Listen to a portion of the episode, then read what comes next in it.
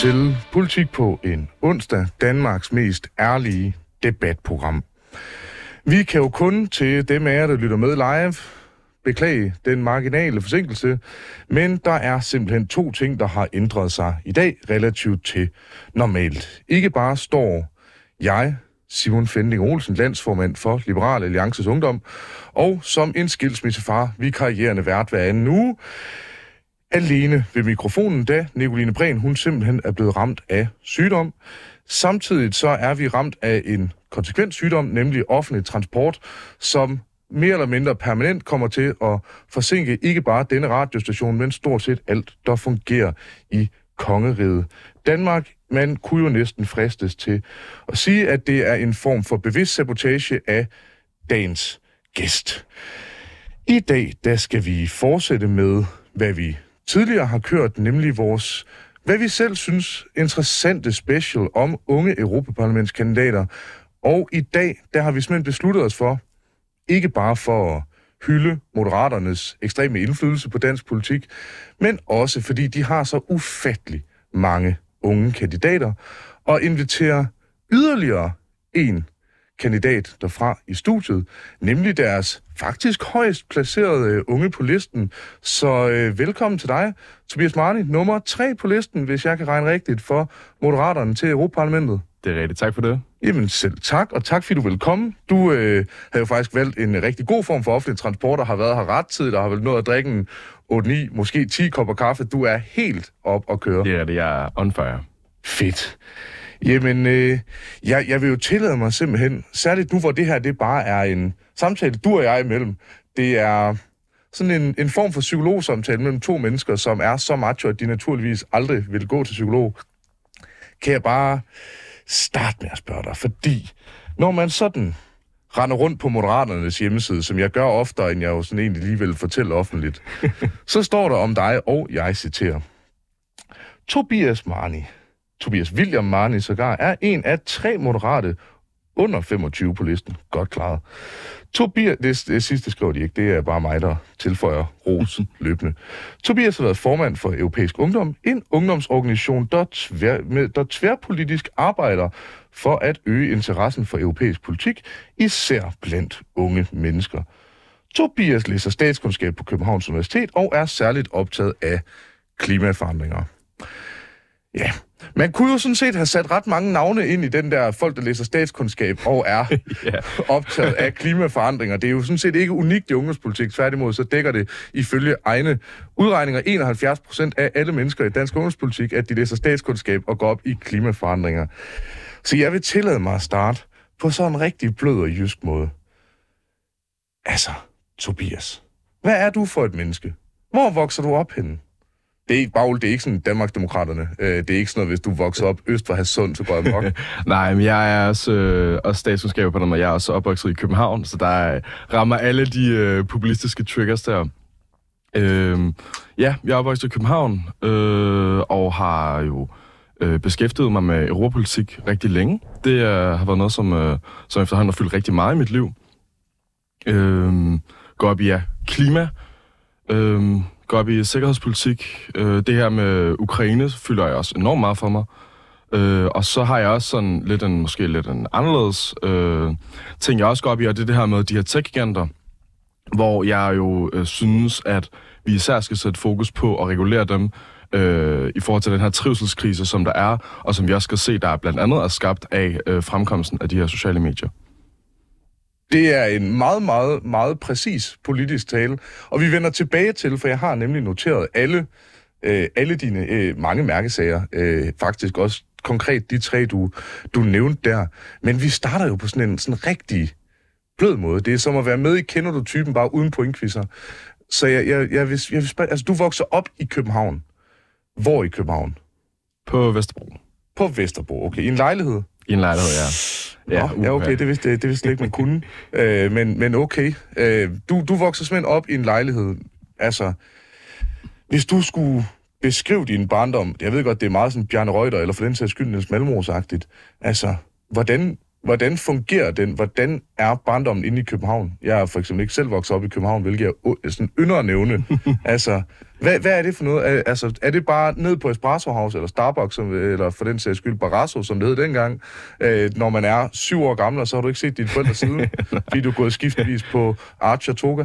Ah, ikke helt. Altså, øh, jeg tror, min barndom var egentlig en meget almindelig barndom. Øh, og voksede i København, gik i skole dog på, øh, på Frederiksberg.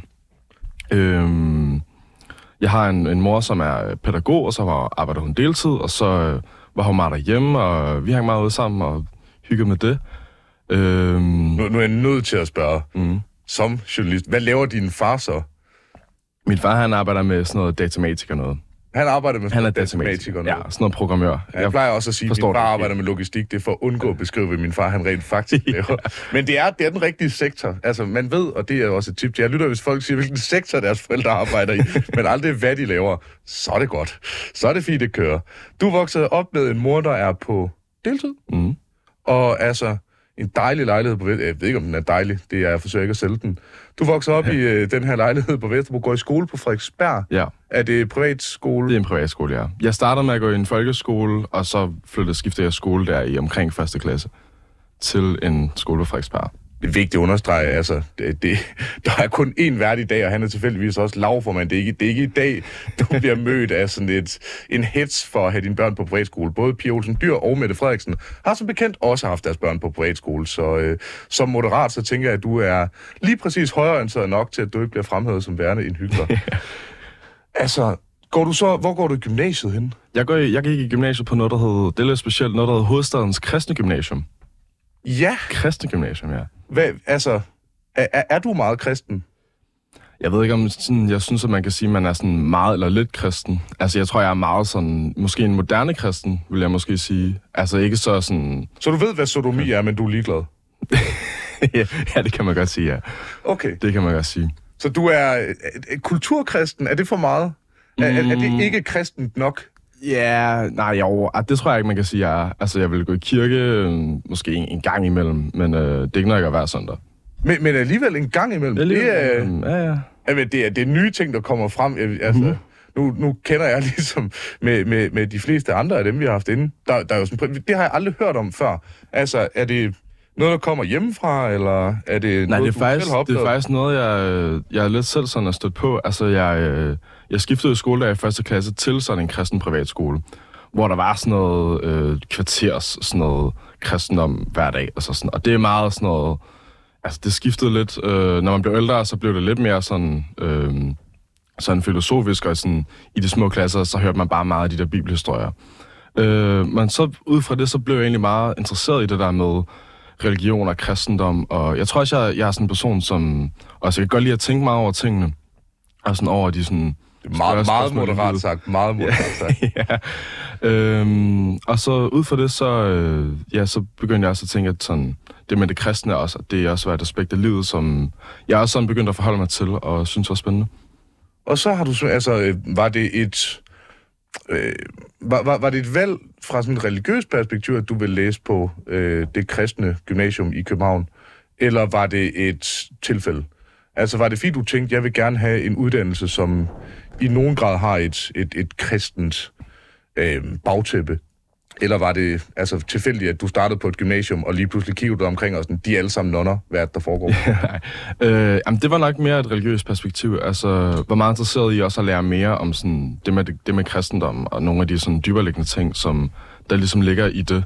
Øh, også meget historien. Øh, har lavet rigtig meget om sådan noget, alt muligt med forskellige perspektiver på sådan noget med Bibelen, og folks forskellige holdninger og tilgang til alt muligt. Okay, så altså, det er, det, det er en meget sådan, inter- det, det er en, en lidt overraskende ting at smide ind i det her perspektiv, fordi du vokser op på, på, på Vesterbro, og altså jeg tænkte, nå okay, du er københavner, fair game, og så, så smider du simpelthen sådan en lille drys af Vestjylland ind. Øh, ja. så er du sådan, nå ja, i øvrigt, så bliver jeg kristen, og i øvrigt bliver kristen øh, spontant.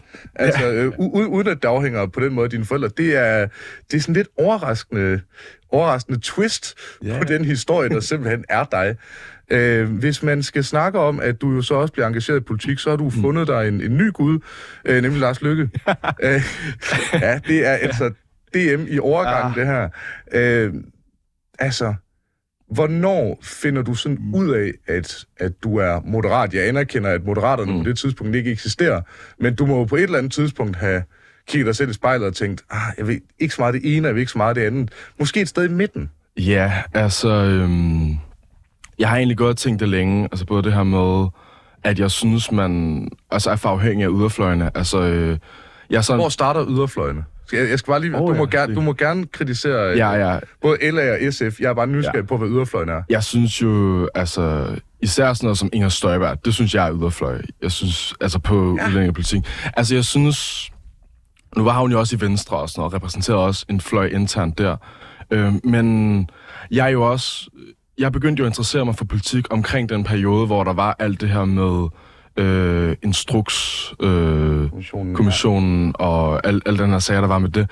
Og jeg synes bare, at det, det virkede så sindssygt, det der med, at du havde en minister, som jo, altså efter alt at dømme, har lavet noget ulovligt, og man sidder og sådan lidt dækker over det. Øhm, at man øh, ikke sådan rigtig vil sådan, så øh, undersøge det i hvert fald, eller altså, altså det, ja, bare sådan nogle ting, og altså der er man bare, det handler jo grundlæggende om, at man politisk var afhængig af de her yderfløje, som jo altså øh, dominerede så meget af dansk politik på den periode. Så havde vi så også øh, jo sådan noget som Trump og sådan noget, også kommer ind sådan internationalt, Øh, som også gav mig en følelse af, at, øh, at der også var nogle ting, sådan, der er også nogle dybere ting på spil øh, i sådan hele den vestlige verden. Øh, min far, det, det, fik, det kom vi faktisk ikke på, min far er jo halvt britte, så øh, Brexit i... Lidt overraskende, nu så er jeg blevet så pro-EU. Nej, men faktisk øh, helt omvendt. Altså, det, det tror jeg er noget, som virkelig også har drevet det enormt meget. Altså, fordi jeg også har set konsekvenserne af, hvad det vil sige at melde sig ud af den europæiske union. Øhm, så sådan, altså, alt der er ligesom, synes jeg, at der har været rigtig meget på spil på højrefløjen på det her. Øh, og det, det synes jeg er forfriskende, at vi tager et opgør med.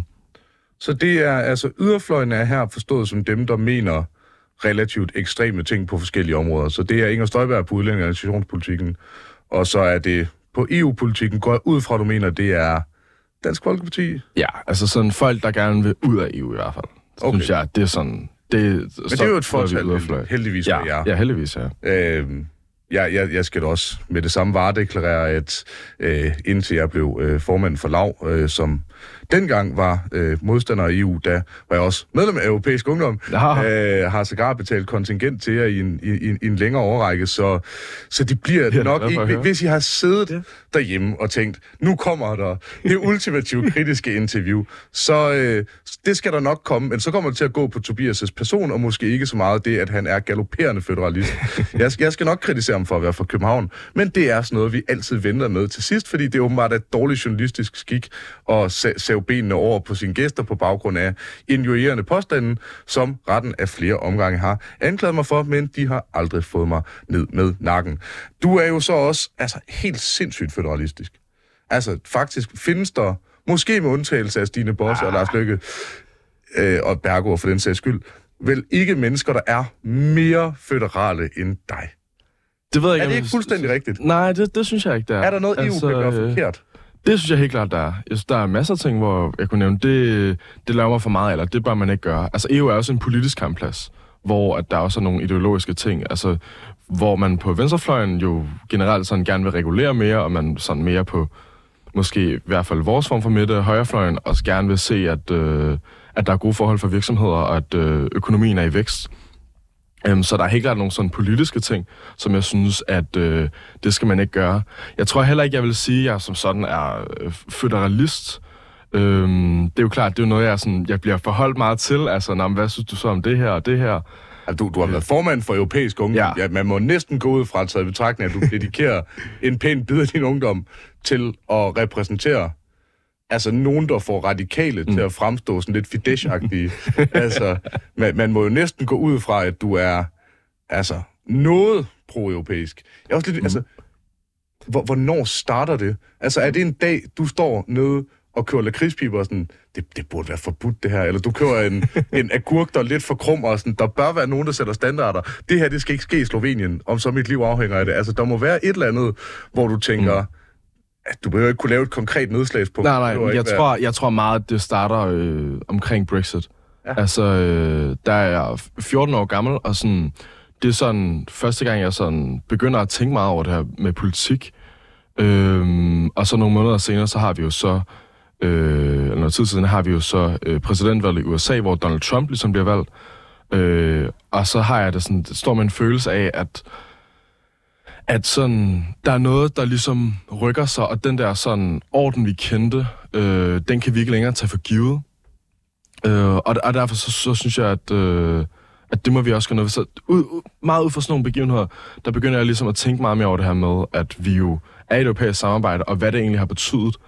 Øhm, jeg har altid været meget interesseret i historie, og det er egentlig også fra den vinkel, jeg sådan bliver interesseret i politik.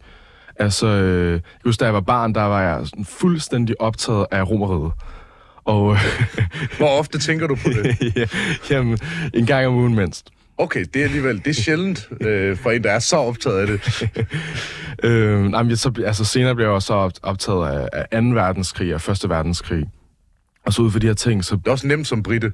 Altså, Ja, ja, ja, ja, fuldstændig. Altså, øh, og så lidt med afsæt i det, øh, også at jeg har sådan meget tidlig sådan øh, erkendelse af, at, at det, vi jo, det vi jo lærer om historien, altså øh, folk, som jo øh, bliver bombet i skyttegravene, eller øh, stormer strande på Normandiet. Altså, det er jo ikke sådan nogle fortællinger, som, som vi går og fortæller. Altså, det er jo rigtige mennesker, som på et tidspunkt har gjort det her. Altså, øh, Simon, du og jeg, vi er jo, vi er jo start 20'erne begge to. Altså, hvis, hvis vi havde levet... Det er meget glad for, du Øh. Det, øh, Hvis vi havde levet omkring 2. verdenskrig, så var vi jo også blevet øh, sendt i krig, i hvert fald hvis vi havde boet i Storbritannien. nu er vi jo øh, begge to engageret i politik, og man ja. Kan jo kun forvente, at vi var gået ind i en ah, ekstremt entusiastisk folketingskampagne i håbet om at blive fritaget for enhver form for, for slåskamp. Jeg ved da i hvert fald med mig selv, at det skulle jeg ikke have. Nej, ja. Du kan se mig. Folk har set mig før. Jeg er en stor knight. Jeg skal ikke ud og slås. Men øh, man kan bidrage på mange måder jo. Men det her med, at altså, alle, alt det, man lærer om, altså når man, øh, når man læser om historien, det er sådan nogle på vores alder også, som jo gør de her vanvittige ting.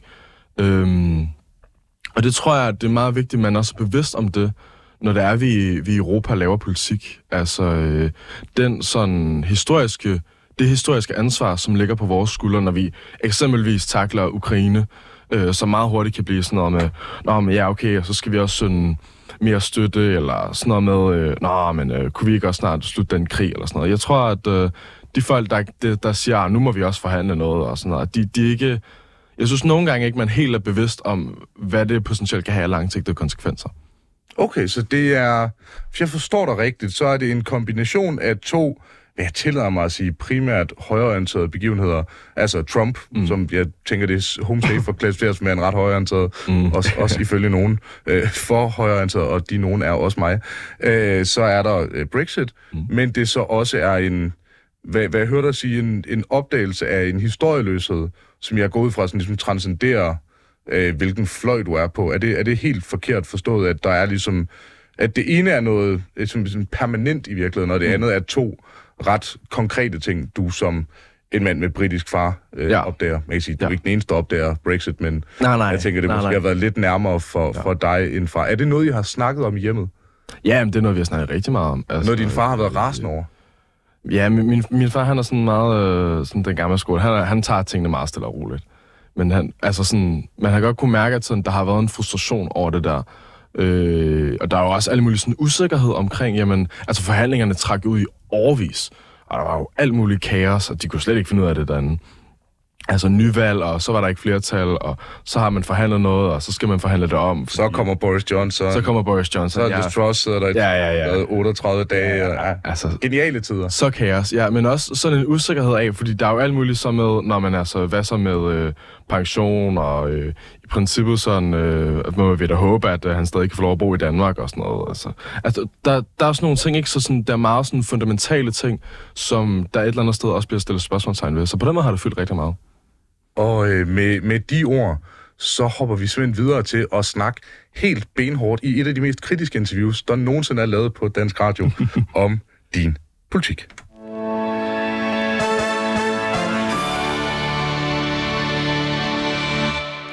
Lytter til Politik på en onsdag. Ellers så er det et ualmindeligt opportunt tidspunkt, du lige er tunet ind på, med mig, Simon Fendinge, og ingen andre værter overhovedet, hvor vi er godt i gang med at lære en af de unge kandidater til Europaparlamentet at kende. Vi har nemlig besøg af Tobias Marni, der er Europaparlamentskandidat for Moderaterne og sågar nummer tre på listen. Og udover at have fået Mr. Swing King i starten af, af programmet, hvilket jeg synes burde være en ugenligt tilbagevendende begivenhed, så øh, har vi jo altså også drøftet det sådan personlige udgangspunkt. Vi har snakket lidt om Brexit og Donald Trump og andre ting, som vi alle sammen kan blive enige om, var rigtig dårlige og trælse ting, der er sket i verden de sidste 10 år. Vi har også drøftet 2. verdenskrig, som langt de fleste også vil tage afstand fra. Det var også en rigtig dårlig periode for langt de fleste involverede. Og i stedet for, så skal vi nu snakke om noget, som generelt jo er ufattelig mundret, nemlig europapolitik. og altså, det er jo et nemt, nemt spørgsmål at starte med, men øh, vi starter med det tal. Hvornår får du ideen, Tobias Marti, som også har brugt to år som formand for Europæisk mm. Ungdom, når får du ideen om at stille op til Europaparlamentet? Ja, det er jo et godt spørgsmål. Altså, øh, jeg har jo længe gerne vil lave noget med øh, Europaparlamentet og Europaparlamentsvalget. Øhm, og så omkring i sommers, der, øh, der går jeg og tumler meget med sådan, ja, yeah, hvad skal jeg egentlig lave med det? Øhm, der er også nogle ting sideløbende, øh, som også gør, at jeg synes, at sådan, Moderaterne er, er et enormt spændende projekt. Øh, og kommer ind. Du ser på top-top-skatten og tænker, det, det er så meget mig. Jeg synes helt klart, at øh, altså sådan, den regeringsdannelse og det, man sådan, det projekt, man sætter, og den øh, vision, man har for det, er noget, som jeg synes er... Øh, det tiltaler mig enormt meget. Altså, man frigør sig fra fløjene, og man, man får ligesom øh, sat noget, øh, sat noget politik, god politik i verden, som ligesom er holdbart, og som alle kan se sig selv i. Øhm, som alle kan se sig selv i? Ja, i hvert fald som langt de fleste vil kunne Altså, vi snakker et parti, der er blevet været halveret i meningsmålinger siden valget. Jeg tror, ideen om, at alle kan se sig i Moderaternes politik, det er vel, jeg bare, det er jo lidt en stramning, er det ikke? ikke, men altså i regeringspolitik, altså, øh, altså det vi jo... Øh, altså, vi snakker vi, en regering, der altså er gået fra SVM ja. har, har, står, står nu på omkring 60 mandater, tilsvarende de omkring 92 mandater. De har, de har mistet 32 mandater, de har mistet en tredjedel af deres mandater, hvis man skal stå. Altså, så yes. populære er de trods alt heller ikke. Vi er tidlige i valgperioden, og øh, der er stadig masser af politik, som mangler at blive gennemført du vil være en så vild landstræner. Altså, ej, vi er kun i første halvleg. Vi er bagud 8-0. Jo, jo, men vi kan nå at vente i anden halvleg. Vi satser på 9-8. Altså, det er altid være optimistisk. Ja, det skal jeg godt nok love ja. for.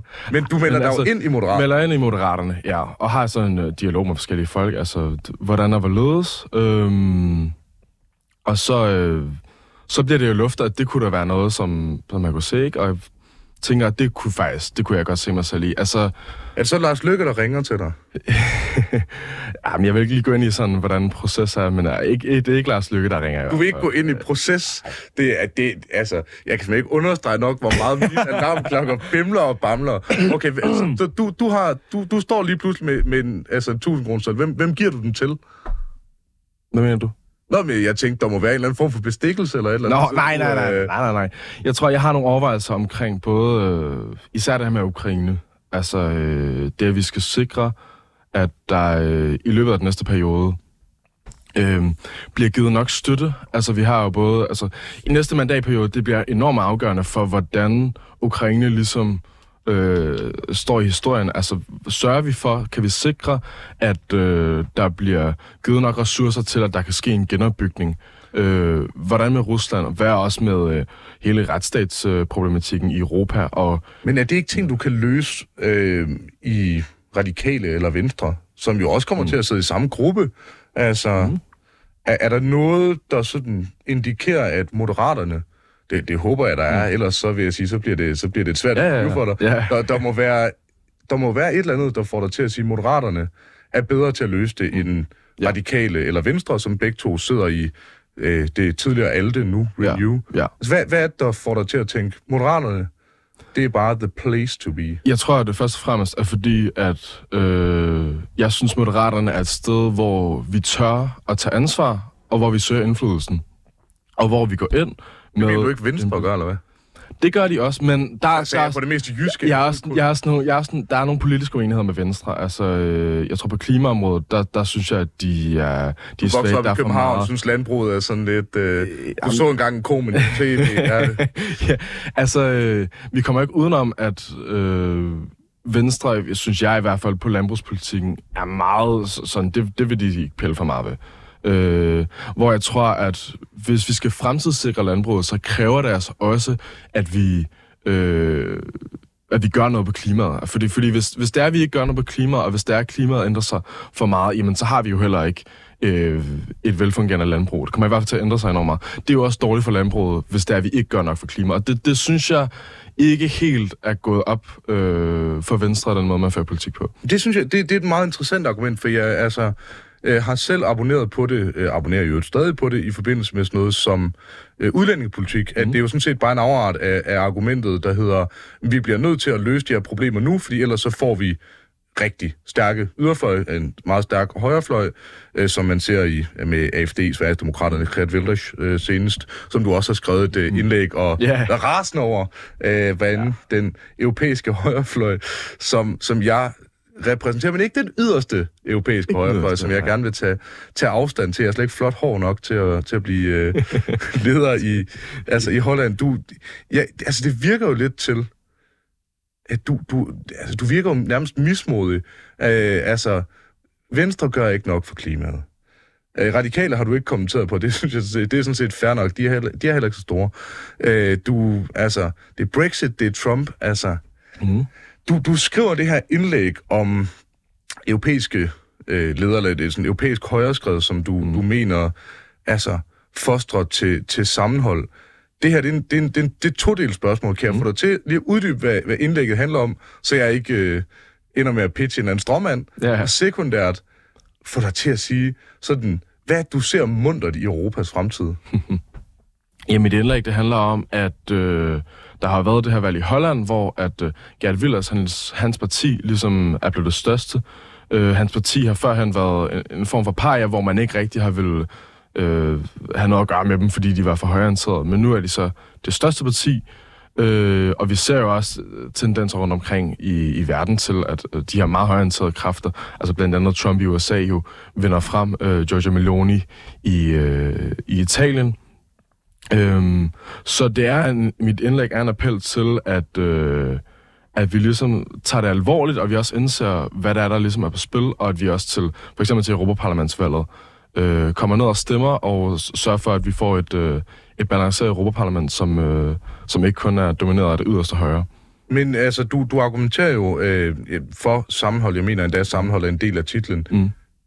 Er du ikke bekymret for, at et stærkere sammenhold i EU også afhænger af, hvem de andre lande vælger? Faktisk i videst mulig udstrækning de andre lande. Vi udgør en meget lille del. Altså, hvis du gerne vil have mere sammenhold, Mm. er det ikke lidt ærgerligt, hvis tyskerne de øh, vælger AFD i stor stil, og franskmændene vælger, det kunne være Front National for eksempel. Mm. Altså, er mere sammenhold ikke ret betinget af, at man vælger folk, som er på midten, eller måske mm. endda lidt venstreorienteret? Jeg tror først og fremmest, at sammenhold er betinget af øh, de værdier, som vi har i EU. Altså, når, når jeg siger... Når Hvilke værdier er det? Det er, en, det er en nysgerrig på, fordi det, nu har jeg hørt flere sige det. Ja, Hvad, hvad er det for nogle værdier? det er jo sådan nogle værdier som øh, retsstaten, ligestilling mellem køn. Det mener man jo også, man, altså det er jo også en værdi i Kina og Rusland, de har bare anderledes tolkninger. Ah, det er ikke det er ikke helt en værdi i Kina og Rusland.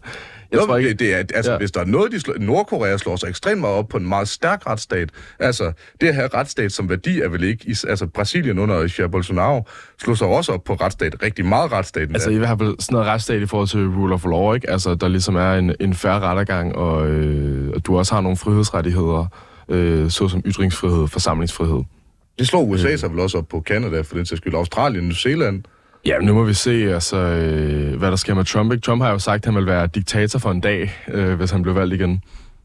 Ja, men det kan jo så også tilsige, at han vil trække sig umiddelbart efter, så det er jo ikke, altså, det er jo ikke så dårligt. Ja, men altså, øh, jeg tror ikke, man kan sige, hvis man, hvis man har en leder, der siger, at han vil være diktator for en dag, at, øh, at det så er sådan i, i særlig godt overensstemmelse med sådan retsstatsprincipperne. Jeg anerkender, at det ikke er entydigt positivt.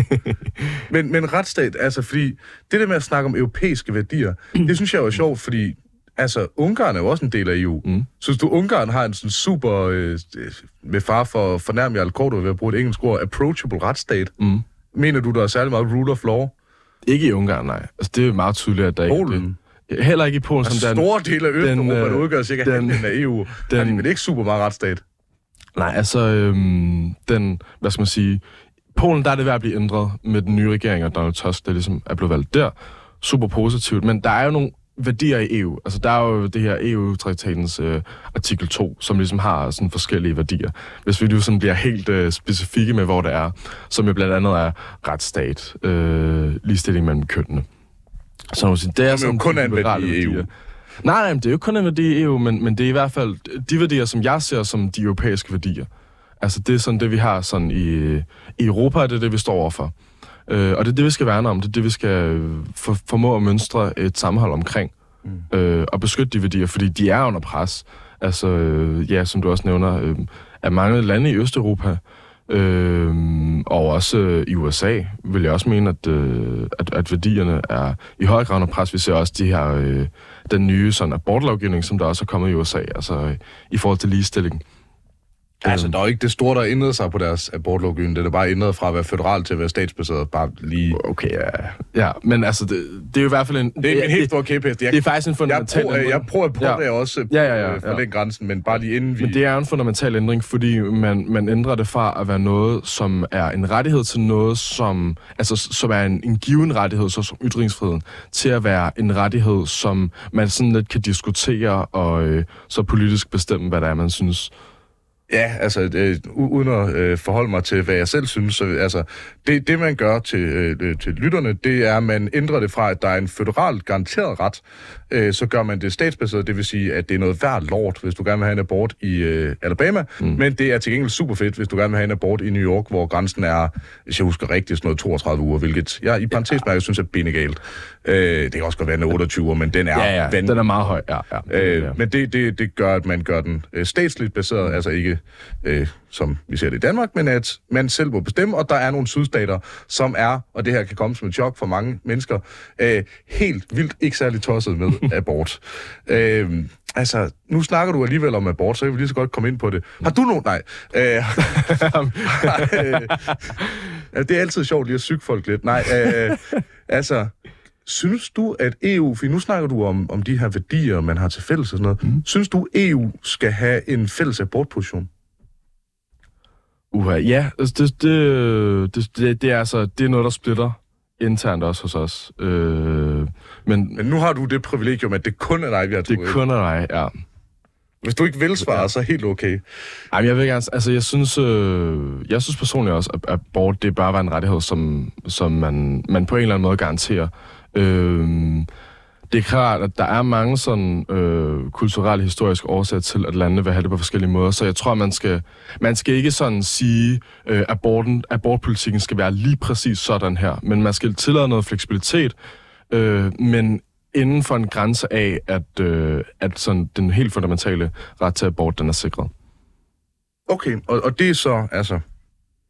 Noget man, kan man gøre, altså det ved du bedre end jeg gør, kan man mm. gøre det europæisk overhovedet? Altså er der et flertal for det? Om der er et flertal for det? Det tror jeg ikke, der er. Ikke lige nu. Ikke lige nu. Det Kommer. vil, det vil jeg ikke. Efter du bliver valgt i Europaparlamentet, så ser du aborter skylle ind over Europa. Folk, der er så til højre og venstre. Uanset om du er Slovenien eller i Dublin. Det er fuldstændig lige meget. Folk får aborter i et væk indtil 28. uge. Altså, jeg, jeg tror, det er, meget, det er meget få lande, hvor den, det, altså, den form for abortlovgivning reelt vil gøre en forskel.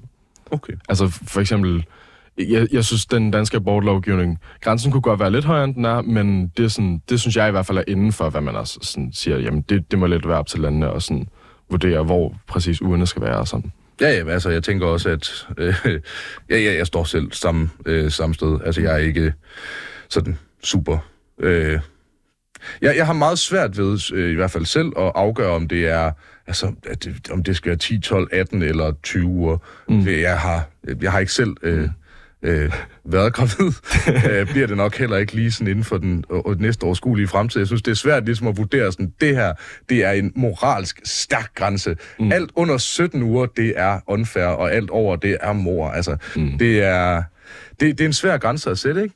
Men nu snakker du om, at, at altså fælles europæiske værdier, du snakker om abort, og at man godt kan løse det europæisk i nogen grad, indtil der kommer et flertal der, ikke? Mm.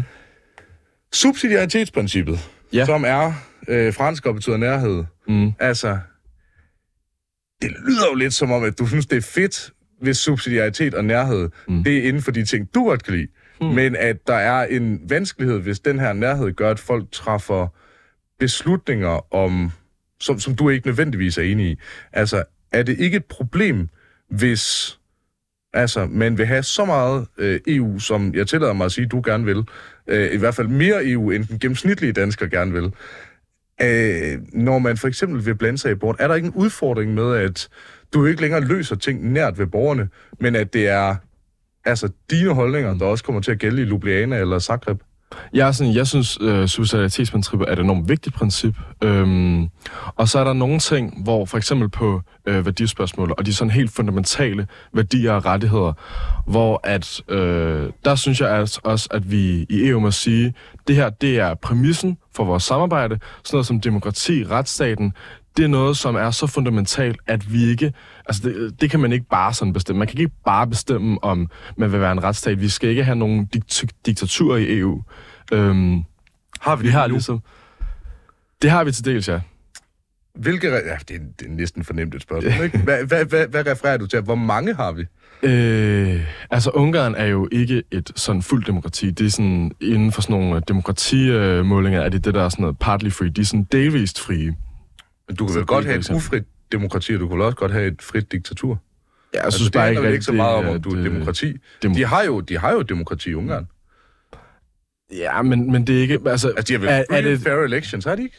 Nej, det vil jeg ikke mene. Altså, fordi, man, fordi at regeringen sidder så hårdt på medierne. Øh, at man, og der er rigtig meget også sådan noget gerrymandering, hvor man ligesom øh, ændrer grænserne for øh, valgdistrikterne og sådan noget, som også for at påvirke valgene. Så det, det synes jeg ikke, man kan sige, at de har sådan free and fair elections. Øh, og det er jo også et kæmpe problem, som vi også... Øh, også i den næste valgperiode jo kommer til at, håber jeg, altså, øh, håndtere. Det har været et problem Hvad tænker du, man skal gøre ved sådan dumme, dumme Ungarn? Altså, jeg har selv været i Budapest. Mm. Øh, skønt sted, i øvrigt. Dejligt sted, ja. Øh, mega billig mad. Hvis I gerne vil have mm. Øh, det billigste Michelin-mad, man kan opdrive i Europa, så tag en tur til Budapest, men lad være med at støtte deres demokrati, for det er super dårligt. Øh, altså, hvad skal man gøre ved dem? Mm. Andet end at rose dem for deres mad, øh, åbent i radioen, og på den måde. Det er ikke sponsoreret, det er ja, ja, min egen holdning. Ja. Jeg tror, at øh, man skal finde nogle steder, hvor man kan sætte hårdere ind for dem, end man gør. Øh, det de jo også gør, det er, at de jo øh, pro, altså der er nogle, sådan nogle økonomiske sanktioner mod dem lige nu. Så der er noget EU-støtte, som de så ikke har adgang til, fordi man ikke kan sikre, at de bliver anvendt øh, rigtigt, fordi de ikke har uafhængige domstole. Øhm, og der har vi set også, at de ligesom øh, bruger deres stemmeret i EU til så øh, og ligesom at, øh, at få de her midler alligevel. Øh, så det, det jeg tror, jeg tror, vi er kommet til et punkt, hvor at, øh, at vi skal sige, øh, nok er nok. Øh, vi anvender det, der hedder øh, artikel 7, som er sådan en øh, ting i traktaten, hvor man kan fratage dem stemmeretten i EU. Og det, det synes du er en god idé? Det synes jeg er en god idé, ja. Skal de kyldes helt ud? Det kan man ikke. Jeg tror, at øh, hvis man så altså, man, man, altså, kan, man, man kan jo, hvis man for eksempel, og det ved jeg må være svært for moderaterne at forestille sig, men hvis man nu for eksempel mister en, en vigtig titel i sit øh, eksisterende parti, så mm. kan man jo oprette et konkurrerende parti. og på samme måde, så hvis man for eksempel bliver smidt, ud af, øh, øh, smidt, mm. smidt nogen ud af et parlament, mm. så kan man oprette et konkurrerende parlament. Et parlament over midten, vil nogen sige. og, og på den måde bare lave et nyt parlament mm. uden Ungarn. Det kan man godt. Jeg tror, det, det øh, i princippet så kan man godt. Øh, det bliver en meget sådan, stor og svær logistisk øvelse.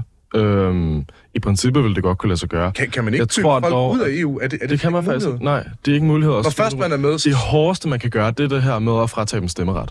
Jeg tror, at hvis man, hvis man gjorde det... Så, så hvis Sverige mm. blev et... Altså, vanvittigt diktatur, eller, og det her det kan lyde fuldstændig farfetched, mm. blev, altså, var udgjort af cirka altså 85 procent indvandrere i morgen. Mm. Altså, så kan man ikke kylde ud. Nej. Altså, du kan, men det hårdeste, du gør, det er at fratage dem stemmeret, så de ikke har nogen politisk indflydelse på det, der sker i EU. Men uh, de kan, altså, du kan simpelthen ikke smide folk ud af Schengen. Øh, Ja, nu bliver det meget... Ja, meget nu bliver det meget teknisk, og det, det kan være, Jeg, man, jeg man tænker, kan der vil sidde nogle af vores meget højere Det jeg og ja. tænke, altså, er det ikke muligt, hvis nu et... Det er, kun, det er kun muligt at ligesom træde ud af EU, som britterne gjorde det. Okay, men det er ikke muligt at smide folk ud af EU. Heller ikke med, altså, hvis alle er enige om det på nær pågældende land. Ja, så kan man ikke. Der er ikke nogen procedure til det i traktaten. Men det, man jo kan gøre, det er, at man kan man kan jo Det er public Altså, service, det her. Jeg, man- jeg, jeg lærer også nu. hvis man jo virkelig vil, ikke, så kan man jo øh, fratage dem stemmeret, så kan de ikke stemme om ting, og så kan man sige, øh, Nå, men, øh, I får ikke noget EU-støtte, I får ikke det her, I får ikke det her, vi gør sådan og sådan her. Altså, man kan lave rigtig mange andre ting. Øh, udenom det, men man, du kan ikke smide et land ud. Jeg tror, at det man, det man jo lidt, det der jo lidt vil ske, hvis det er, at man fratager dem stemmeret i EU, det er så internt i Ungarn, så bliver der sådan et opgør af, okay, skal vi blive, eller skal vi gå? Øh, og er de ikke i forvejen ret tror- skeptisk over for EU med undtagelse af noget landbrugsstøtte? Det er det faktisk, eller sådan opbakning til at være i EU er høj i Ungarn. Altså, øh, Okay. men, men det er jo bare opbakning til mange af de sådan fælles værdier, øh, som er under pres i Ungarn. Og så vil jeg så også sige, at øh, meget af det skyldes jo også, at for eksempel regeringen sidder på meget af medierne, så rigtig mange, meget af den information, der kommer ud til befolkningen, er ligesom framet af regeringen, og sådan, altså, også bare sådan forkerte. Okay, Vil jeg mene. det er, altså, Der er også noget fake men jeg news. mene. Eller i hvert fald, i hvert fald øh, hvad skal man sige, det fordrejer i hvert fald virkeligheden. Det er simpelthen værre end DR. Ja, det er meget... jeg, jeg, synes, jeg synes ikke, man kan Jeg jeg sammenligne havde de to. håbet, Ja. jeg havde lige håbet på, at jeg kunne baite dig ind i at svine DR til. Jeg kan så Jeg godt lide DR, man- hvis, og DR, hvis I har behov for nogen, der kan stille op i deadline eller fedt debat. Og ring, ring, ring til mig. Det er ikke styret af staten. Ja, det er, det, det er, er i vid udstrækning, i hvert fald ejet af staten. det er rigtigt, ja. Det Men kan man det- ikke komme om. Jo, jo, men det, altså, jeg tænker, Moderaterne synes jo, at flere ting skal være ejet af staten herunder, men ikke begrænset til borgerne. Fucking borgere, man. Altså, jeg lige går, går helt amok. Nå, øh, for at, at komme tilbage, vi har jo faktisk ikke engang så lang tid igen. Tiden, øh, tiden flyver, når man øh, virkelig, øh, virkelig har en øh, dårlig dag. Øh, Tobias, du... Øh, jeg, jeg skal være ærlig og sige, jeg tror simpelthen ikke, det er interessant for lytterne at høre om klima, for jeg tænker ikke, du har så meget, altså alle nævner jo klima. Ja. Har du et eller andet, hvor, mm. altså, hvor du tænker, her har jeg den næste nye top-top-skat, altså her har jeg noget, som vi ikke har diskuteret før? Eller er det, vi skal bare satse mere, og der skal være noget havvind, og det ene og det andet? Mm. Du har også ude at spise med sip. Øh, en, en, en, Det har jeg ikke. Det, har har du jeg ikke ikke. Det har jeg ikke, nej. Ah, det er kun nummer to og op på listen. eller altså, har du noget på klima, hvor du ja. Ja. tænker, det her, det er sgu, det er sgu et nybrud? Jeg tror... Øh, Eller er det ligesom Altså- altså, radikale og venstre og så videre, det er bare, at vi skal gøre mere? Altså, jeg tror, at på klimaet øh, i Danmark, der, er- eller klimadagsordenen generelt, er sådan en ting, hvor man kan se meget tydeligt, at der er forskel på lande, altså når man sidder i Europaparlamentet. Altså, der er ligesom to ting, hvor man kan se forskel på, øh, hvad medlemmerne af Europaparlamentet synes. Det ene, det er sådan deres ideologi, altså om de er konservative eller socialister, og så det andet, det er så også ofte, hvilke lande de er fra. Altså øh, for eksempel med mindsteløn, der, øh, der stemmer de danske socialdemokrater imod at have en sådan EU-mindsteløn, men mange af de tyske socialdemokrater, de stemmer for, at de har virkelig kæmpet for at få det indført. Så der er også no- nogle gange nogle landeting. Og på klimadagsordenen, det er sådan en ting, hvor at jeg synes, at øh, der er en meget sådan store landeskæld. Altså for eksempel, hvor vi i Danmark tænker, at vi skal være ambitiøse, og vi skal være meget grønne. Øhm, så er der nogle andre lande, hvor der måske er tendenser til noget lidt andet. Så jeg tror i virkeligheden... Tendenser til noget lidt andet. Øh, ja, ikke? Altså, øh, du ved, tysk bilindustri og... Øh, i, bil. i Polen, I Polen, der har man meget, der har man for eksempel øh, meget, øh, der ligger man meget vægt på sikkerhedspolitikken. Der har, der synes man, der har man generelt synes, de er ved at ændre sig lidt, men man har generelt tænkt, at øh, man gerne vil beholde kul, fordi det er sikkert øh, i forhold til øh, sådan noget mere vedvarende energi. Altså, så øh, der er man sikkerhedspolitiske... med. Ja, kul kan man regne med, lige præcis. Øhm, så jeg tror, at det, som vi moderaterne, og det, som jeg også virkelig går ind for på klimapolitikken, det er, at når vi er i Europaparlamentet, så sørger vi for at placere os på en måde, så vi får mest indflydelse på den politik, som der bliver ført af EU. Fordi det er virkelig i EU, at vi kan rykke noget stort på klimaet.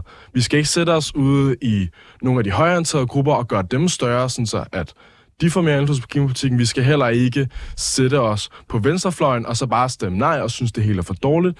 Vi skal ligesom være et sted, hvor at vi øh, rykker klimapolitikken reelt. En, en midt på, går jeg næsten ud fra. Yes. Ah, det er altså på den måde en, øh, en næsten nem sløjfe at, at binde. Nu får du to lynhurtige spørgsmål, som du kun må svare på i, øh, i procent eller almindelige tal. Hvor mange får Moderaterne valgt til Europaparlamentet? Mindst to. Mindst to. Mindst to. Okay, så to eller, eller flere, op til flere får I valgt. Okay, er du en af dem? Hvad er sandsynligheden for, hvis jeg havde en tusbas i morgen? Jeg ved godt, at de øh, snart øh, går ud af fashion. Hvis øh, jeg havde 1000 kroner, hvad, hvad odds vil du give mig på, at du bliver valgt? Det ved jeg ikke. Det, det vil jeg ikke sidde og give et odds på. Altså, det må jo være op til vælgerne, hvad, hvem der bliver valgt. Jeg anerkender, du skal statskundskaber og ikke god til at regne i decimeter, så procenttal. Jeg vil ikke give et procent. Altså prøv at, jeg, jeg fører min valgkamp, og, øh, og jeg håber selvfølgelig at blive valgt til Europaparlamentet. Det kunne være fedt. Og nu får øh, du så, hvis du gerne vil forklare folk, jeg tror også, der er kamera på, så ja. du er rigtig privilegeret, du kan bruge det her på TikTok. Du har 10 sekunder til at forklare folk, hvorfor de skal stemme på dig. Let's go. Hvis man vil have en pragmatisk og resultatorienteret klimapolitik, hvor vi gør en konkret forskel, hvis man vil have en person, som øh, er bevidst om den historiske vigtighed, der er i øh, at håndtere Ukraine, og hvis man vil have en ung stemme, som kæmper for unges trivsel i regulering af tech så tak, synes jeg, man skal stemme på mig.